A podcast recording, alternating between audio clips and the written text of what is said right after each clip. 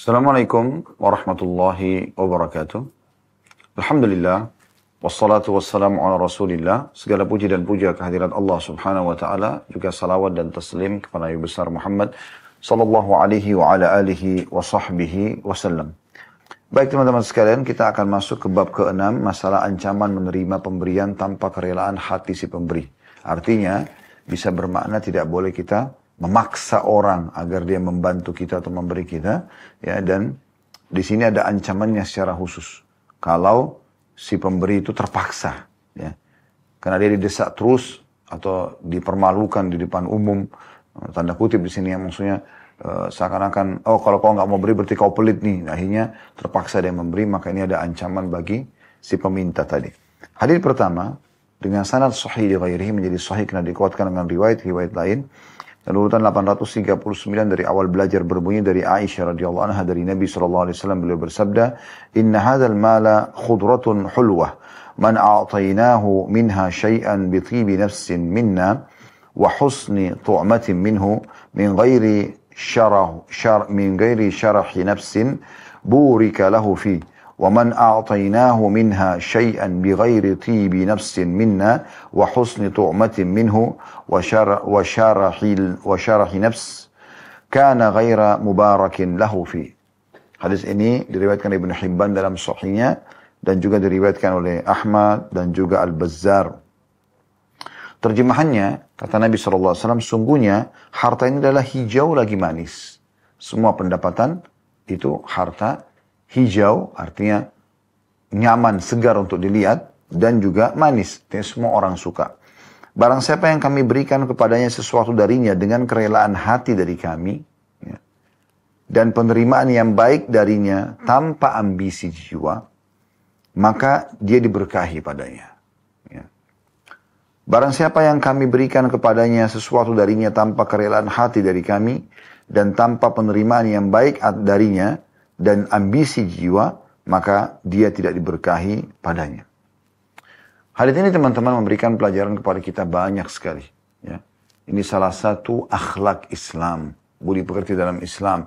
Bagaimana seseorang itu tidak membuka pintu-pintu mengemis, bagaimana sudah banyak riwayat yang kita bacakan pada bab-bab yang lalu, uh, tentang masalah tidak bolehnya orang itu mengemis, bahkan Eh, kalau dia mengemis sementara dia punya kemampuan, ya maka itu seperti dia sedang membawa pulang ya, eh, bagian daripada api neraka, ya. Dan cukup banyak hadis yang sudah kita jelaskan pada pertemuan pertemuan kita yang lalu. Kemudian teman-teman sekalian uh, juga ada anjuran agar seseorang itu dermawan, ya, dia berbagi, uh, memberi dengan kerelaan hatinya, ya. Selain memang uh, peminta pun tidak boleh dia memaksa ya, juga pemberi usahakan agar dia ridho, dia rela memberikan supaya dia mendapatkan pahala dan saudaranya juga mendapatkan manfaat dari uh, harta yang sudah dia terima. Ini kurang lebih makna globalnya hadis. Kita coba ambil mutiara-mutiara hadis.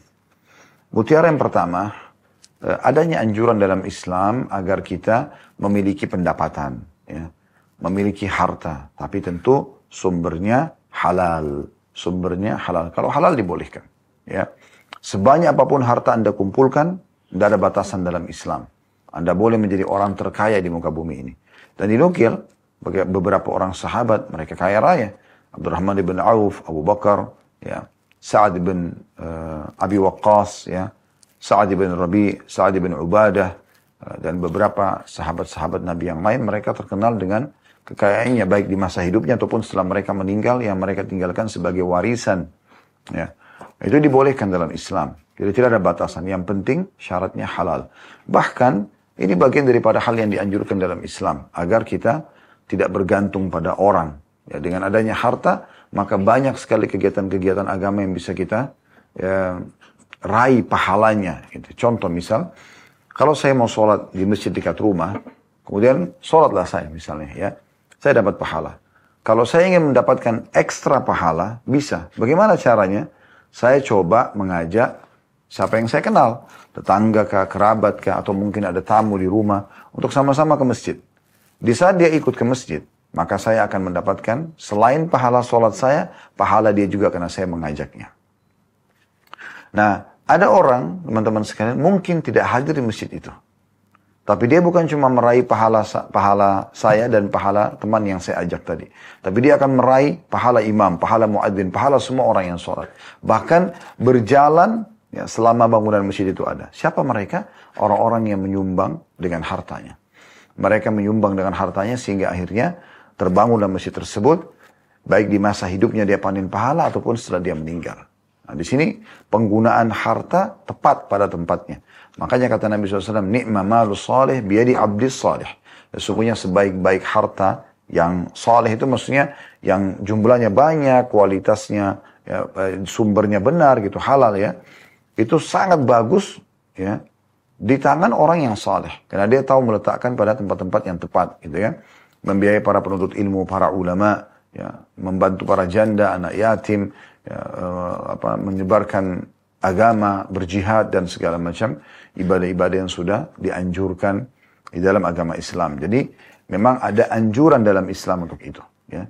Jadi bukan berarti orang miskin itu uh, tidak tidak benar dalam Islam. Tidak. Mungkin ada orang keadaannya Allah uji dengan seperti itu. Tapi umumnya Allah subhanahu wa ta'ala menyuruh kita bekerja. Kita punya pendapatan sendiri. Sehingga kita mulia. ya Mulia. Dan Nabi SAW mengatakan sesungguhnya Allah mencintai dari seorang hamba yang memakan dari hasil keringatnya sendiri hasil kita dan ketahui Nabi Allah Daud makan dari hasil tangannya sendiri. Jadi ini ada anjuran dalam Islam.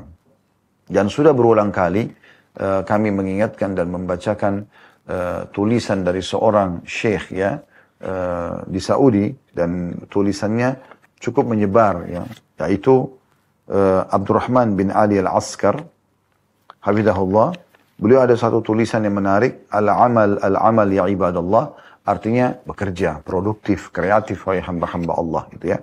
Dan beliau mengangkat banyak sekali ya dalil-dalil tentang motivasi masalah ini. Di antara perkataannya yang unik adalah dia mengatakan Fakat hasal Islam, sesungguhnya agama Islam itu telah memotivasi al-mar'u, ya, setiap individu, ala jam'i ma yakutu bihi ahlihi wa iyalihi minal malil halal. Ya, agar dia mengumpulkan harta yang cukup untuk membiayai keluarganya, istrinya dan anak-anaknya. Ya. Dari harta-harta halal. Qala sallallahu alaihi wasallam di Sa'ad bin Abi Waqqas. Nabi SAW telah bersabda kepada sahabatnya eh, Sa'ad bin Abi Waqqas radhiyallahu anhu, "Innaka intadar warathataka warathataka agniya'a khairul laka an tadarahum 'alatan yatakaffafuna nas." Ketahuilah engkau meninggalkan keturunanmu dalam kondisi mereka kaya, mereka kaya punya pendapatan, lebih baik daripada engkau tinggalkan mereka dalam kondisi mereka miskin dan mereka mengemis pada orang-orang atau bergantung pada orang-orang. Hadis ini riwayat Bukhari Muslim. Ya. Begitu juga beliau mengatakan wa yaqulu sallallahu alaihi wasallam dan Nabi SAW juga bersabda, "Kafa bil mari ithman an yudayya man yaqutuh." Sungguh sangat berat hukuman dan beban dosa yang besar bagi orang yang membengkalikan ya siapa yang telah wajib dia nafkahi. Artinya ada motivasi untuk bekerja di situ ya. Lalu beliau mengatakan, Ja'al Islam hasan hasan al-insan ala talab hazal mal bitariq al-masyru'. Islam telah datang memotivasi manusia ya untuk mencari pendapatan harta ini dengan cara yang telah dibolehkan atau disyariatkan. Fahassa alal jiddi wal amal dan Islam juga motivasi agar selalu kerja keras ya dan serius wa hadzara minal wal kasal dan Islam menolak ya uh, pengangguran dan sifat malas. Wa fathis subul fi wajhi mubtagir rizqil halal wal malit tayyib. Dan Islam juga membuka banyak sekali jalan bagi orang-orang yang mau mencari rezeki halal dan juga harta-harta yang baik. Ya, maksudnya mungkin yang melimpah, yang mencukupi kebutuhan buat diri kita dan juga keluarga. Lalu beliau mengangkat ya, firman Allah Subhanahu wa taala dalam surah Al-A'raf ayat 32 yang bunyinya A'udzu billahi minasyaitonir rajim. Qul man harrama zinatullahi allati akhraja li ibadi wat thayyibati minar rizq. Katakan hai Muhammad, siapa yang berani-berani mengharamkan apa yang telah Allah ya keluarkan untuk hamba-hambanya uh, dari hal-hal yang baik sebagai rezeki. Qul hiya lil ladzina amanu fil hayatid dunya khalisatan yaumal qiyamah. Katakan itu Allah siapkan secara khusus bagi hamba-hambanya yang beriman di dunia maupun juga di akhirat nanti cuma di akhirat khusus untuk mereka saja. Kemudian juga dalam surah Al-Mulk ayat 15 dalil yang selanjutnya beliau angkat Firman Allah SWT, A'udhu billahi minasyaitan rajim, Huwa alladhi ja'ala lakumul arda dhalulan famshu fi manakibi wa kulum rizki wa ilahin nusyur. Dialah Allah yang telah menjadikan bumi ini terhampar untuk kalian. Maka bersebarlah, jalanlah di muka bumi itu. Dan makanlah dari rezeki ya, yang sudah Allah siapkan. Dan ketahuilah karena akan dikembalikan kepada Allah. Jadi motivasinya sangat banyak ya, menjelaskan tentang masalah anjuran untuk mencari rezeki, ya, menikmatinya gitu. Kemudian juga beliau mengangkat surah Al-Jum'ah. Ya, hari ini kita hari Jumat. Di ayat 10-nya Allah SWT berfirman, A'udzu billahi minasyaitonir rajim. Fa idza qudiyatis salatu fantashiru fil ardi wabtaghu min fadlillahi wadhkurullaha katsiran la'allakum tuflihun. Artinya kalau kalian sudah selesai mengerjakan salat maka menyebarlah di muka bumi. Untuk apa? Untuk mencari dari karunia Allah. Dan ikutilah itu dengan banyak berzikir kepada Allah agar kalian termasuk orang-orang yang beruntung. Lalu beliau mengatakan, Farattabal falah ala talabi rizqil halal. Allah telah uh, menggantungkan keberuntungan itu dengan mencari rezeki yang halal. Wa ada wa ada'u wajib wa ala dzikrihi jalla wa ala. Dan juga uh, dengan menjalankan kewajiban-kewajiban serta selalu berzikir kepadanya ya maksudnya kepada Allah yang maha tinggi dan maha mulia. Kama anna al-amal wal mihna wa irtibatul insan dan begitu pula pekerjaan dan profesi serta terikatnya seseorang itu uh, pada pekerjaannya min akhlaqi anbiya'illahi wa rusuli bagian daripada akhlaknya para nabi-nabi dan rasul. Faqad thabata anna Rasulullah SAW qal karena telah diriwayatkan Nabi SAW telah bersabda ما أكل أحد طعاما خيرا من أن يأكل من عمل يده وإن نبي الله داود كان يأكل من عمل يده Ketahuilah bahwasanya tidak ada makanan yang dikonsumsi oleh seseorang lebih baik daripada hasil tangannya sendiri dan Nabi Allah Daud makan dari hasil tangannya sendiri. Warawan Muslim, warawa Muslim, anna Nabi SAW qal, dan diriwayatkan juga dari Imam Muslim bahwasanya Nabi SAW bersabda, kana Zakaria alaihissalam najjaran. Ketahuilah bahwasanya Zakaria alaihissalam adalah seorang tukang kayu. Ya. Waruya anna Idris alaihissalam kana khayyatan atasaddaqa bifadli kasbi. Dan juga diriwayatkan bahwasanya Idris alaihissalam adalah seorang penjahit yang dia hidup dari hasil jahitannya itu. Wa kana Nabiuna Muhammad sallallahu alaihi wasallam yabi wa yashtari. Demikian pula Nabi kita Muhammad sallallahu alaihi wasallam beliau bertransaksi jual beli ya. Dan juga menggadaikan Wa yata'amal bi jami'i ta'amulatil maliyah. Dan beliau pun berinteraksi dengan semua jenis-jenis transaksi uang. Ya. Wa qala li ashabihi. Dan beliau pernah satu hari bersabda kepada para sahabatnya. Li an ya'khuda ahadukum abhula. Ah, bila seseorang dari kalian mengambil potongan tali. Thumma ya'til jabal. Kemudian dia mendatangi gunung. Thumma ya'ti bihizmatin min hatab. Kemudian dia mengumpulkan kayu-kayu kering, kayu bakar fayabi'uha fayastagni bithamaniha kemudian dia menjual lalu dia hidup dari hasil penjualan itu khairun lahu min an yas'alan nas lebih baik daripada dia mengemis pada manusia a'tuhu au mana'u dia diberikan atau dia ditolak hadis ini diriwayatkan oleh Bukhari. Wa sahabatuhu ridwanullahi alaihim. Begitu juga dengan sahabat-sahabat Nabi SAW ridwanullah alaihim. Imtahanul mihan. Mereka berprofesi ya. Wa ba'u washtaru mereka transaksi jual beli. Wa rizq halal. Wa rizq halal. Dan mereka mencari rezeki-rezeki halal. Qala Sa'id bin Musayyib. Sa'id bin Musayyib berkata seorang tabi'in kana ashabu alaihi wasallam yasjaruna fi bahrir Rum Sesungguhnya Nabi sahabat-sahabat Nabi SAW berbisnis ya eh, berdagang sampai ke lautan Romawi. Ya. Wa yakulu Umar radhiyallahu anhu dan Umar radhiyallahu anhu berkata, Ta'allamul mihna fa innahu yushiku an yahtaja ahadukum ila mihnata. Ya. Artinya, tekuni profesi itu. Tekuni profesi itu. Ya. Karena artinya punya keterampilan. Ya. Karena sesungguhnya bisa saja dari kalian membutuhkan ya membutuhkan uh, profesi atau keterampilannya itu. Baik kita lanjutkan tadi terakhir statement Umar radhiyallahu anhu yang mengatakan ta'allamul mihna uh, tekunilah profesi itu, ya, sebuah profesi apa pun sifatnya, yang bisa mendatangkan uh, maslahat income ya. Uh, yushiku an yahtaj ahadukum ila mihnata. Karena sungguhnya setiap orang yang terkait mungkin akan membutuhkan profesinya itu. Dia akan membutuhkan profesinya itu. Wa kana Abu Darda la yukidun nara tahta kidrihi hatta tadma Abu Darda itu masak sampai asapnya itu ya membuat uh, matanya mengeluarkan air mata. Wa taqulu Aisyah radhiyallahu anha dan Aisyah pun berkata radhiyallahu anha, "Kana Abu Bakar radhiyallahu anhu atjaru Quraisy hatta dakhala fil imarah." Sesungguhnya Abu Bakar adalah pedagang paling ulungnya Quraisy sampai dia masuk ke dalam pemerintahan. Jadi setelah menjadi khalifah baru beliau fokus mengerjakan amanah yang sedang Allah Subhanahu wa taala bebankan kepada beliau.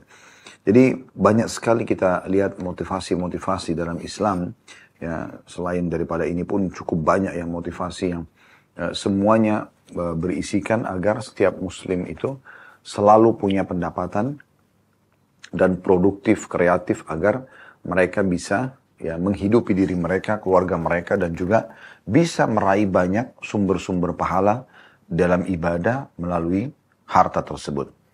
Baik, kemudian faedah yang kedua dari hadis atau mutiara yang kedua yang bisa kita ambil adalah e, pentingnya seseorang itu, kalaupun dia diberikan sesuatu, itu harusnya wajib dalam kondisi pemberinya itu ridho.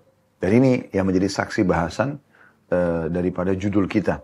Yang daripada potongan Nabi SAW, Man a'tainahu minha syai'an bi nafsin minna, siapa pun yang kami berikan ya sesuatu dari keleraan hati kami, karena memang maksudnya kami umat Islam ini pada saat memberi dengan e, memang rela memberikannya wa husni tu'matin minhu dan juga penerimaan yang baik dari dia.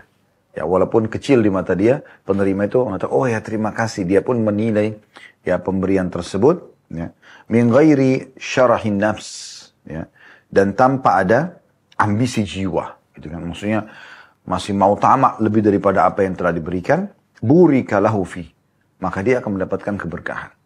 Jadi kalau seandainya seseorang itu memberi dengan ikhlas dia dapat pahala, yang menerima pun pada saat misalnya dia menerima sebuah pemberian dari seseorang, maka dan dia tidak ambisi secara kejiwaan ingin melebih ingin minta lebih cukup dengan apa yang diberikan dengan berterima kasih maka akan diberkahi. Maknanya akan menjadi sesuatu yang mencukupi untuk si penerima tadi. Sebaliknya kata Nabi saw waman a'tainahu minha syai'an bighairi tibi nafsi minna siapa pun yang kami berikan tanpa keridoan diri dari diri kami si, pem, si pemberi. Wa husni minhu dan juga penerimaan yang baik dari dia dia pun ya kami sudah nggak enak, dia pun juga tidak enak menerimanya. Wasyarahi nafs dan ambisi jiwa ka kana ghaira mubarakin lahu fi maka tidak ada keberkahan bagi dia. Ya, jadi e, kita bisa tambahkan mutiara yang ketiga yaitu tentang masalah keberkahan. Ya, keberkahan Allah SWT akan berikan kepada orang yang ikhlas dalam memberi, juga orang yang ridho menerima pemberian, tanpa ada ambisi jiwa, berharap lebih daripada apa yang telah diberikan. Maka ini akan mendapatkan keberkahan. Mana keberkahan tentu akan mencukupi kebutuhan dia. Baik teman-teman sekarang kita akan masuk ke hadis kedua. Hadis kedua dengan sanad sahih ya. Udah 840 dari awal belajar berbunyi dari Muawiyah ya. Dari Muawiyah bin Abi Sufyan radhiyallahu anhum ajma'in. Dia dan ayahnya dua-duanya sahabat bisa kita katakan radhiyallahu anhuma, dia berkata, Rasulullah sallallahu alaihi wasallam bersabda, "La tulhifu fil mas'alah." Wallahi la yas'aluni ahadun minkum syai'an fatukhrija lahu mas'alatahu minni syai'an wa ana lahu karih. Fayubaraka lahu fima a'taitu. Hadis ini riwayat Muslim, An-Nasai, ya, dan Al-Hakim. Dan dia berkata sahih.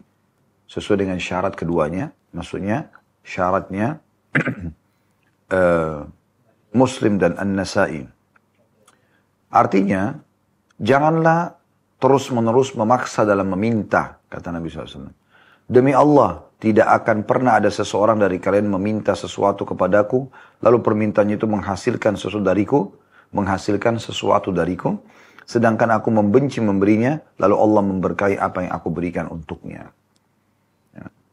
Dalam riwayat Imam Muslim, lafadznya berbunyi, aku mendengarkan Rasulullah SAW bersabda, ini tentu maksudnya adalah Muawiyah bin Abi Sufyan radhiyallahu anhu. Dia mendengar, mengatakan, aku mendengarkan Rasulullah SAW bersabda, Innama ana khazin, faman a'taituhu min tibin an, saya ulangi, Innama ana khazin, faman a'taituhu an tibi nafsin, fayubaraka lahu fi, ومن أعطيت عن مسألة وشرح نفس كان كالذي يأكل ولا يشبع Aku hanyalah seseorang yang ditugaskan menjaga harta. Barang siapa yang aku memberinya dengan kerelaan hati, maka dia diberkahi padanya. Dan barang siapa yang aku memberinya karena dia meminta dan ambisi jiwa, maka dia seperti orang yang makan namun tidak akan pernah kenyang. Hadith ini atau dua buah riwayat ini di nomor dua dalam bab kita memberikan penjelasan kepada kita. Penjelasan yang umum tentunya ya, dan faedah yang sangat besar tentunya. Secara umum kita jelaskan dulu nanti kita akan ambil mutiaranya.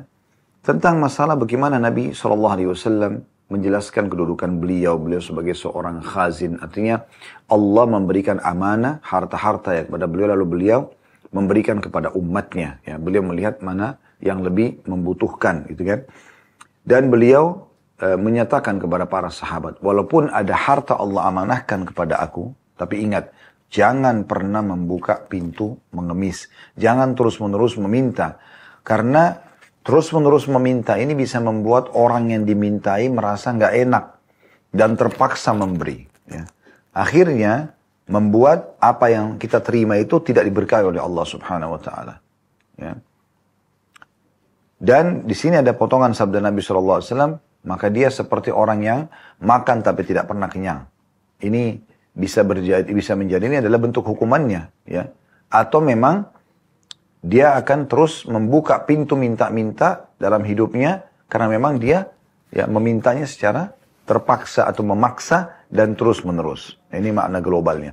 Baik kita ambil ya eh, pelajaran atau dari hadis yang pertama larangan Nabi Shallallahu Alaihi Wasallam kepada seluruh umatnya tidak terkecuali untuk meminta-minta. Jadi nggak boleh minta-minta. Mengemis ya. Sementara punya kemampuan. Tapi kalau sudah tidak punya, itu lain. Dan sudah kita jelaskan di bab sebelumnya, bagaimana ada keadaan-keadaan tertentu yang dibolehkan seorang muslim untuk meminta. Dibolehkan dia meminta di, di keadaan-keadaan tertentu gitu ya. Seperti misalnya dia uh, terlilit utang ya, kemudian keadaan dia punya tanggungan anak dan istri yang belum makan pada hari itu ya. Sama sekali nggak punya dan bisa saja mereka mati kelaparan maka dia terpaksa minta ya. maka itu keadaan tertentu mendesak terputus jalan. Dia lagi musafir dan kehabisan bekal untuk pulang lagi ke kampungnya misalnya. Maka ini teman-teman sekalian ya e, memberikan gambaran kepada kita tentang masalah pentingnya atau bolehnya dia untuk meminta gitu Baik, uh, tapi kalau dalam keadaan orang itu masih mampu bekerja, ya sudah kita jelaskan juga di bab-bab sebelumnya, bagaimana uh, gambarannya kalau dia cukup untuk memiliki makan seharian, tidak boleh lagi dia minta. Bahkan ada pendapat sebagian ulama mengatakan kalau dia punya, ya, untuk cukup makan siangnya, maka tidak boleh dia minta, gitu kan? Kecuali nanti malam tiba dia kelaparan, dia nggak punya, baru dia boleh minta. Atau dia punya untuk makan malam, dia nggak boleh minta. Dan dia sudah punya kemampuan untuk makan. Apalagi memang kebutuhan makan kita sudah kita tahu porsinya. Satu piring nasi cukup. Gitu kan? Tidak perlu berlebih-lebihan. Yang penting kita tidak kelaparan. Gitu kan? Terpenuhi kebutuhan kita. Jadi kita tidak boleh. Nabi SAW di sini melarang untuk terus-menerus meminta. Ya, apalagi di sini memaksa. Ya. Ada orang kadang-kadang gitu, maksa orang. Datang ke rumah orang minta ya atau dia bertamu lalu kemudian dia minta ini, minta itu. Jadi pulang itu seakan-akan membawa banyak sekali ya uh, punya orang hak orang lain yang dia ambil secara uh, terpaksa ya. Maksudnya di sini pemberinya terpaksa. Nah, ini yang dimaksudkan dalam larangan hadis ini. Hmm. Baik yang kedua, Nabi alaihi salatu wassalam mengatakan atau mengulangi lagi mirip dengan hadis yang nomor satu tadi. Ini kan hadis nomor dua ya bahwasanya tidak ada keberkahan. Tidak akan ada keberkahan bagi orang yang meminta atau mengambil sesuatu tanpa keridoan hati si pemberi. Ya. Oleh itu teman-teman sekalian, akan sangat banyak berkahnya kalau pemberian itu justru memang datang dari pemberi dan dia memang mau memberi itu. Bukan terpaksa. Dan kalau diberikan secara terpaksa, maka tidak ada keberkahan. Ya. Nah ini yang bisa kita ambil pelajaran. Kemudian yang ketiga adalah Nabi SAW di sini menyebutkan inna ma'ana khazin, artinya saya adalah ditugaskan menjaga harta oleh Allah Subhanahu wa taala. Ya, baik itu harta zakat umat, sedekah-sedekah yang dikumpulkan lalu beliau akan membagikan gitu. Oleh karena itu beliau masih mengingatkan dan ini yang diingatkan orang-orang yang terus datang minta. Walaupun ini ada di tanganku, tetap saja kalian jangan terus-menerus meminta. Coba kalian berusaha. Toh juga orang-orang yang berhasil itu punya waktu sama.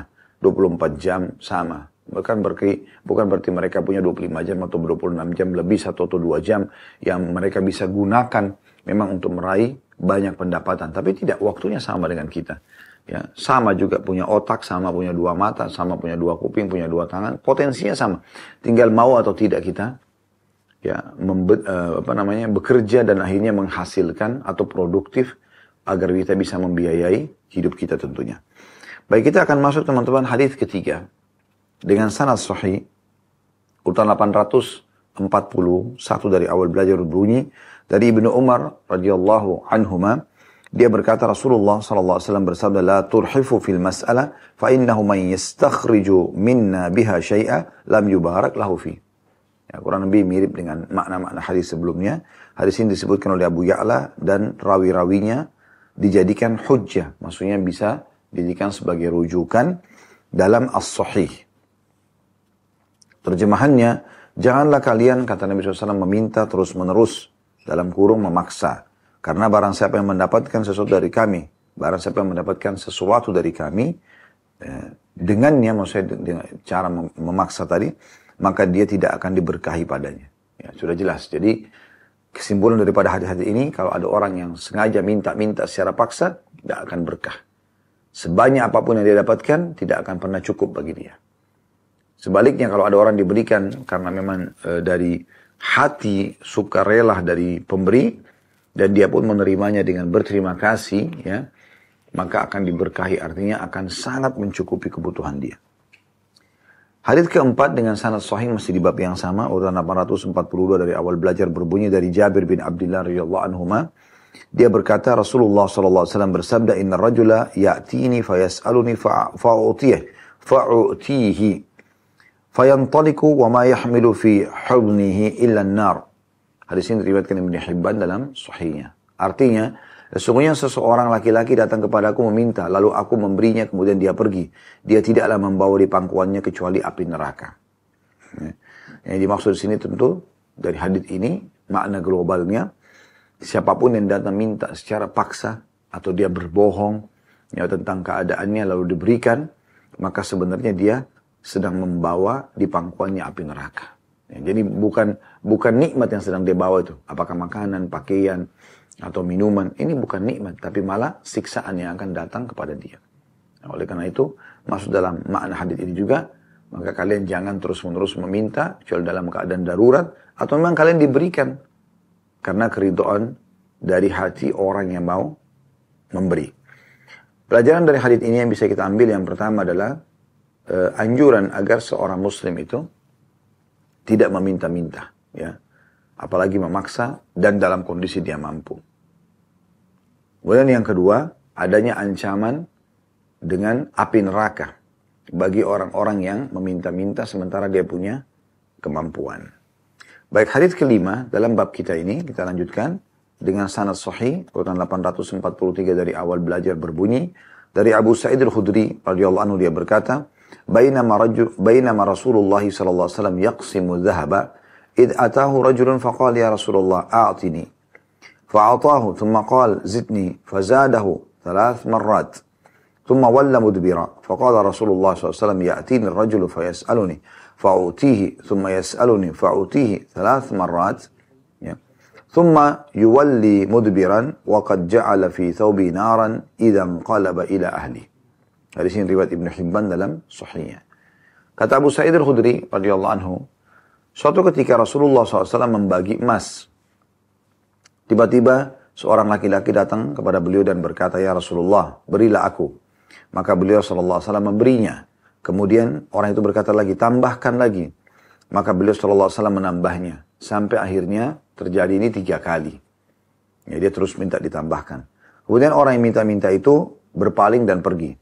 Maka Rasulullah SAW bersabda, orang itu datang kepada aku meminta, lalu aku memberinya. Kemudian dia meminta lagi, lalu aku memberinya, sampai terjadi hal itu tiga kali. Kemudian dia berpaling dan pergi, sementara telah dijadikan api di bajunya jika dia pulang kepada keluarganya. Ya, jadi hadis ini memberikan gambaran kepada kita pelajaran bagaimana sifat dermawannya Nabi alaihi salatu wassalam. Kalau Anda masih ingat di pertemuan-pertemuan kita yang sebelumnya ada beberapa hadis ya yang sudah kita bacakan tentang ancaman orang mengemis ya pada saat itu. Uh, ada seorang sahabat yang bertanya ya Rasulullah, kalau begitu kenapa Anda tetap memberi kepada orang-orang ini sementara Anda sudah tahu sebenarnya kalau mereka pulang mereka bawa ya api neraka. Karena mereka terus mengemis padahal sebenarnya mereka punya kemampuan. Kata Nabi SAW, karena Allah telah ya menolak, menghilangkan sifat pelit dariku. Dan juga Allah memerintahkan aku untuk memberi. Urusan mereka kepada Allah subhanahu wa ta'ala. ini luar biasa pelajarannya. Artinya, ini menjawab kalau ada sebagian di antara kita berkata, Ustaz, saya ini selalu sekali kedatangan orang atau sering kedatangan orang, baik kerabat atau orang lain. Mereka selalu minta-minta. Dan sudah saya beri tetap-tetap aja minta. Apa yang harus saya lakukan? Saya tolak kan? Maka yang dicontohkan Nabi SAW tetap diberi. Tapi beliau ingatkan. Beliau mengatakan bahwasanya permintaan yang di luar daripada kebutuhan dia itu bisa menjadi api neraka buat dia. Apalagi kalau dia punya kemampuan ya. Karena ada sebagian orang subhanallah walaupun Allah sudah jadikan dia orang yang kaya atau berkecukupan, tetap saja punya sifat datang ke rumah temannya, datang ke rumah kerabatnya, main negosiasi, lihat perhiasan kristal bagus, lihat uh, apa namanya vas bunga bagus, lihat mungkin sendok atau piring yang bagus, masih tetap diminta untuk dia bawa pulang gitu. Padahal sebenarnya dia punya kemampuan untuk membelinya. Dan ini bisa saja tentu pemilik rumah merasa berat memberikan karena memang dia membeli untuk kebutuhannya. Kenapa anda minta gitu? Ya, nah, ini termasuk hal yang perlu diperhatikan dari hadis ini. Ya, jadi sifat dermawan Nabi SAW yang pertama. Yang kedua, bagaimana orang-orang yang meminta ya sementara dia punya kemampuan diancam dengan api neraka ya atau dia selalu tamak ambisi jiwanya terlalu besar ya sehingga akhirnya dia ya eh, apa namanya membawa api neraka karena dia minta terus dengan ketamakannya bukan sesuai dengan kebutuhan. Jadi tidak punya kemuliaan jiwa. Hadis selanjutnya dalam bab ini dan ini hadis terakhir ya kita tutup dengan ini di bab ke-6 ini. Hadis ke-6 dengan sanad sahih. Udah 844 dari awal belajar. Dari Umar bin Khattab radhiyallahu anhu bahwa dia datang kepada Nabi SAW dan berkata, Ya Rasulullah, Ra'aitu fulanan yashkur, يذكر أنك أعطيته دينارين. فقال رسول الله صلى الله عليه وسلم لكن فلانا قد أعطيت ما بين العشرة إلى إلى المئة فما شكر. وما يقوله إن أحدكم ليخرج من عندي بحاجته متأبطها. وما هي إلا النار؟ قال قلت يا رسول الله لما تؤتيهم؟ قال يأبون إلا أن يسألوني wa ya'ballahu li liyal bukhla. Hadis ini sahih diriwayatkan oleh Ibnu Hibban. Baik dari hadis ini teman-teman sekalian kita ambil pelajaran. Atau saya baca terjemahannya dulu. Bahwasanya Umar bin Khattab berkata, ya, ada seseorang datang atau dia datang kepada Nabi SAW lalu berkata, ya Rasulullah, ini Umar bin Khattab yang berkata, aku melihat fulan berterima kasih, bersyukur maknanya berterima kasih. Ya. Dia menyebutkan bahwasanya engkau telah memberinya dua dinar. Maka Rasulullah SAW bersabda, akan tetapi aku telah memberi fulan yang lain antara 10 sampai 100 dinar tapi dia tidak bersyukur atau tidak berterima kasih dan dia tidak mengatakannya. Sesungguhnya salah seorang dari kalian membawa keluar hajatnya dari sisiku dengan menyempitkannya, di, mengempitnya di ketiaknya, padahal ia tidak lain hanyalah api neraka. Lalu dia berkata, aku bertanya ya Rasulullah, mengapa? Maksudnya Umar lalu bertanya, lalu mengapa engkau memberi mereka? Nabi SAW menjawab, mereka tidak mau apa pun kecuali meminta kepadaku, sedangkan Allah menolak aku bersikap kikir. Hadis ini diriwayatkan Ibnu Hibban dalam sahihnya. Jadi hadis ini, ya, hadis terakhir dalam bab nomor 6 ini, masalah ya, ancaman ya, menerima pemberian tanpa kerelaan hati si pemberi, memberikan gambaran kepada kita ya, bahwasanya meminta-minta tanpa keridoan pemilik yang memberi itu, maka pertama akan hilang berkah sebagaimana hadis sebelumnya. Dan yang kedua adalah dia termasuk api neraka. Artinya siksaan bagi dia itu. Ya, dia akan dihisap oleh Allah subhanahu wa ta'ala. Kenapa dia minta sementara dia punya kemampuan. Dan subhanallah orang yang membuka pintu pengemis ini, minta-minta, maka dalam dua keadaan. Dia diberi, tapi tetap dia punya kehinaan dalam dirinya. ya Karena memang di saat misalnya dia tidak mampu, dia minta. Diberilah dia. Satu waktu dia menjadi orang mampu dan mungkin dia akan selevel dengan orang yang ya eh, pernah memberi dia, maka di situ dia tetap malu pada saat ketemu. Oh orang ini dulu pernah membantu saya. Atau orang yang memberinya mengatakan, oh si Fulan sudah kaya sekarang. Dulu saya pernah bantu. Ya. Kalau dia ditolak, maka lebih luar biasa. Ada dua penghinaan dirinya di situ. Ada dua penghinaan dirinya. Jadi yang pertama itu adalah penghinaan meminta mengemis dan yang kedua penolakan. Ya. Lalu untuk apa mengemis seperti ini? Oleh karena itu Nabi SAW membatasi sekali orang yang mengemis itu betul-betul orang yang terlilit utang atau betul-betul punya hajat yang dia harus penuhi kebutuhan dia. Kalau dia tidak minta dia mati kelaparan misalnya. Ya. Atau seseorang yang punya tanggungan, istri anaknya juga butuh belum makan. Dan sekali lagi batasannya adalah kebutuhan satu hari itu. Kalau satu hari itu ada, bahkan sebagian pendapat mengatakan satu kali makan saja dalam beberapa riwayat disebutkan, makan siang ada maka tidak boleh dia minta, ya sampai malam betul-betul dia sudah tidak punya baru kemudian dia buka pintu permintaan. Nah ini menandakan luar biasa. Islam datang melarang seseorang muslim untuk mengemis. Tidak boleh mengemis. Tidak boleh minta-minta. Kecuali dalam keadaan darurat. Dan kapan dia meminta-minta, dia kena hadis yang lain. Atau ancaman dalam hadis yang lain. Siapa yang membuka pintu minta-minta atau tidak ada seseorang yang membuka pintu minta-minta kecuali Allah akan bukakan baginya pintu kemiskinan. Ya, kemiskinan ini. Ya.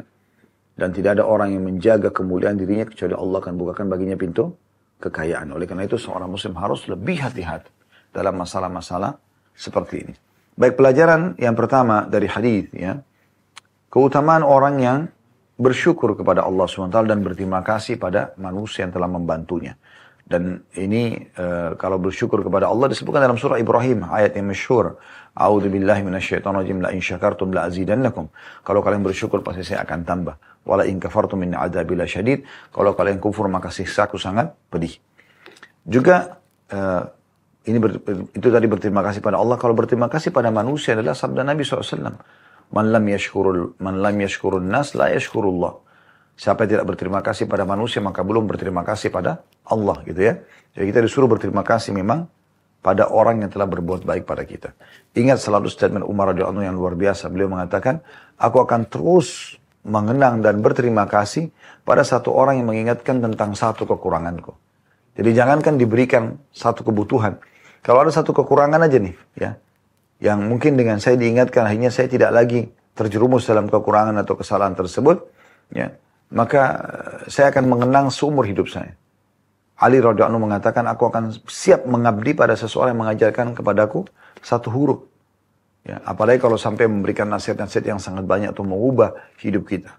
Berapa banyak orang yang tidak tahu berterima kasih, mereka tidak pernah mau menilai kebaikan-kebaikan orang. Bahkan dilupakan begitu saja. Dulu saat butuh, datang. Ya, minta nasihat jangan macam. Begitu dia punya kedudukan, melupakan. Nah, ini orang yang tidak berterima kasih pada manusia. Ya, kita harus berterima kasih pada semua orang yang pernah berjasa dalam hidup kita. Bermula dari kedua orang tua kita, kemudian siapa pun dari kerabat-kerabat kita atau saudara-saudara kita, kemudian lalu kemudian ke guru-guru kita, ya, yang telah mengajarkan kepada kita banyak hal, juga kepada sahabat-sahabat atau orang-orang di sekitar kita yang terus-menerus tidak pernah bosan tentunya untuk memberikan masukan-masukan positif kepada kita. Baik, kemudian pelajaran yang keluar dari hadis ya, selain daripada anjuran untuk bersyukur kepada Allah dan berterima kasih pada manusia, yaitu ancaman bagi orang-orang yang justru tidak berterima kasih sebaliknya. Ya, karena Nabi SAW di sini uh, merespon positif pada saat Umar bin Khattab mengatakan ya Rasulullah ada orang yang terus berterima kasih bahkan menyebut-nyebut kebaikan anda karena anda berikan dua dirham. Nabi SAW tidak tanggapin itu karena ini bagus ini. Tapi Nabi tanggapin yang lain. Kata Nabi SAW, tapi ada orang lain, hai Umar, datang, saya kasih dia 10, bahkan sampai 100 dinar, tapi dia tidak berterima kasih. Dan orang seperti ini, sama seperti dia keluar ya dari tempat saya, tapi dia menghimpit atau mengepit ya di ketiaknya. Ini, ini ibaratnya zaman dulu kan orang uh, tidak semua punya baju berkantong ya. Maka biasanya diimpit di ketiaknya untuk membawa barang itu ya. Maka Nabi SAW berikan isyarat itu. Uh, kemudian dia tidak menghimpit kecuali api neraka gitu. Jadi ini ada ancaman bagi orang justru yang tidak bersyukur ataupun di sini ya meminta ya, sementara dia tidak tahu menilai pemberian tersebut. Ya, oleh karena itu sangat baik teman-teman walaupun pemberian itu sederhana misalnya uh, orang tua pada anak, anak selalu mengatakan terima kasih ayah, terima kasih ibu, selalu ucapkan jazakallahu khairan ayah, jazakillahu khairan ibu misalnya. Ya, begitu juga dengan uh, istri pada suaminya, suami pada istrinya, sahabat pada sahabatnya selalu saling berterima kasih satu sama yang lain sehingga akhirnya ya uh, hiduplah suasana saling uh, menilai kebaikan dan akhirnya kita masuk dalam kategori orang yang bersyukur kepada Allah SWT yang tentu akan mendapatkan tambahan nikmat dari sang pencipta Allah. Baik teman-teman sekalian ini adalah bab yang keenam dengan enam buah hadis ya. Dan kita akan masuk ke depan insya Allah bab ketujuh masih kitab sedekah, anjuran menerima pemberian yang datang kepadanya tanpa meminta dan sangat menginginkan, lebih-lebih jika dia memerlukan, dan larangan menolaknya sekalipun dia tidak memerlukannya. Jadi di bab nanti itu adalah anjuran kalau kita sudah dikasih kita terima. Dan jangan tolak itu. Terima saja, nanti kita bisa berikan kepada orang lain kalau misalnya memang kita tidak memerlukannya. Tapi ada anjuran untuk menerimanya. Ini ada bab sendiri kita akan bahas pada bab ketujuh insya Allah. Baik teman-teman sekalian, mungkin sampai sini dulu bahasan kita. Semoga apa yang kita bahas pada hari ini bermanfaat buat kita semua. Dan semoga Allah subhanahu wa ta'ala menjadikan ini sebagai tambahan amal kita pada hari kiamat. Dan juga menjadikannya sebagai ilmu yang bermanfaat. Subhanakallahumma bihamdika. Asyadu an la ilaha illa anta astaghfiruka wa atubu ilaik. Wassalamualaikum warahmatullahi wabarakatuh.